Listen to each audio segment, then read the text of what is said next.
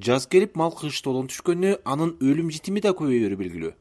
Мындайда айылдыктар малдын өлүгүн көчөнүн жээктерине ыргытып коюп баса беришет. Айрыкча жаз айларында сайдын жээктеринде арам өлгөн малдын өлүктөрү жайнап кетет.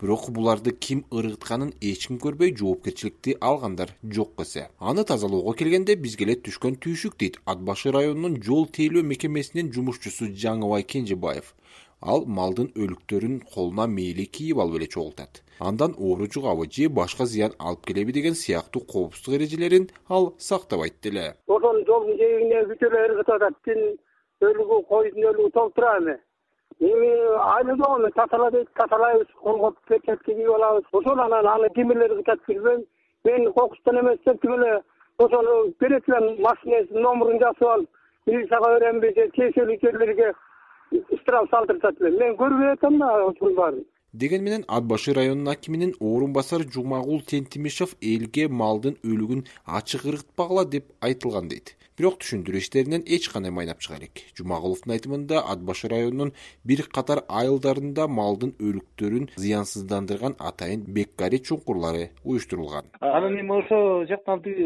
жолдун боюна таштап атканы эми жалпы эл буга биз баягында мурун эле айтканбыз эми негизи таштандын баарын давай таштанды төкчү жайга төккүлө. Э, анан өлүк бөлүктөрдү беккар чуңкурга салгыла деп тапшырма түшүндүрүү иштерин жүргүзбөйбүз. Бирок көпчүлүк эми көпчүлүк эми келе таштап коет бирок ага болбой биз эми ал алып таштады деп биз э, унчукпай койбой.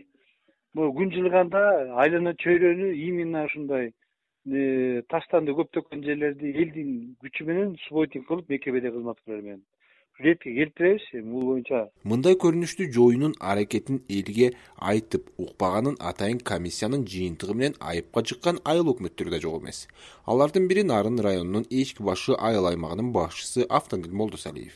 Ал айыл өкмөт бюджетинен жүз жыйырма миң сом бөлдүртүп жетпегенин демөөчүлөрдүн жардамы менен айылга он метрлик беккари чуңкурун уюштурган эрежеге ылайык малдын өлүктөрү ушул чуңкурга ташталышы керек. Буга баш ийбеген айылдын тургуну өткөн жылы үч миң сом айыпка жыгылып үч күнгө кара жумушка тартылган.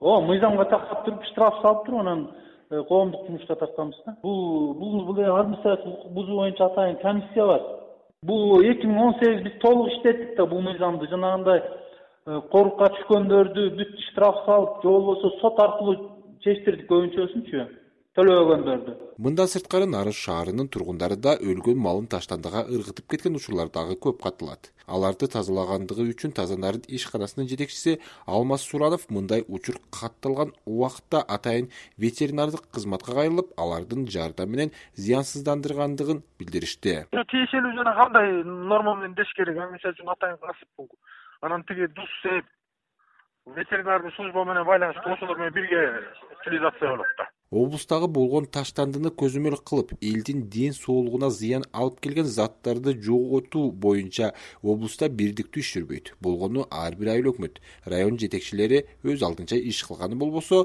толук көзөмөл кылган облустук мекеме жок. Мирлан кадыров азаттык нарын облусу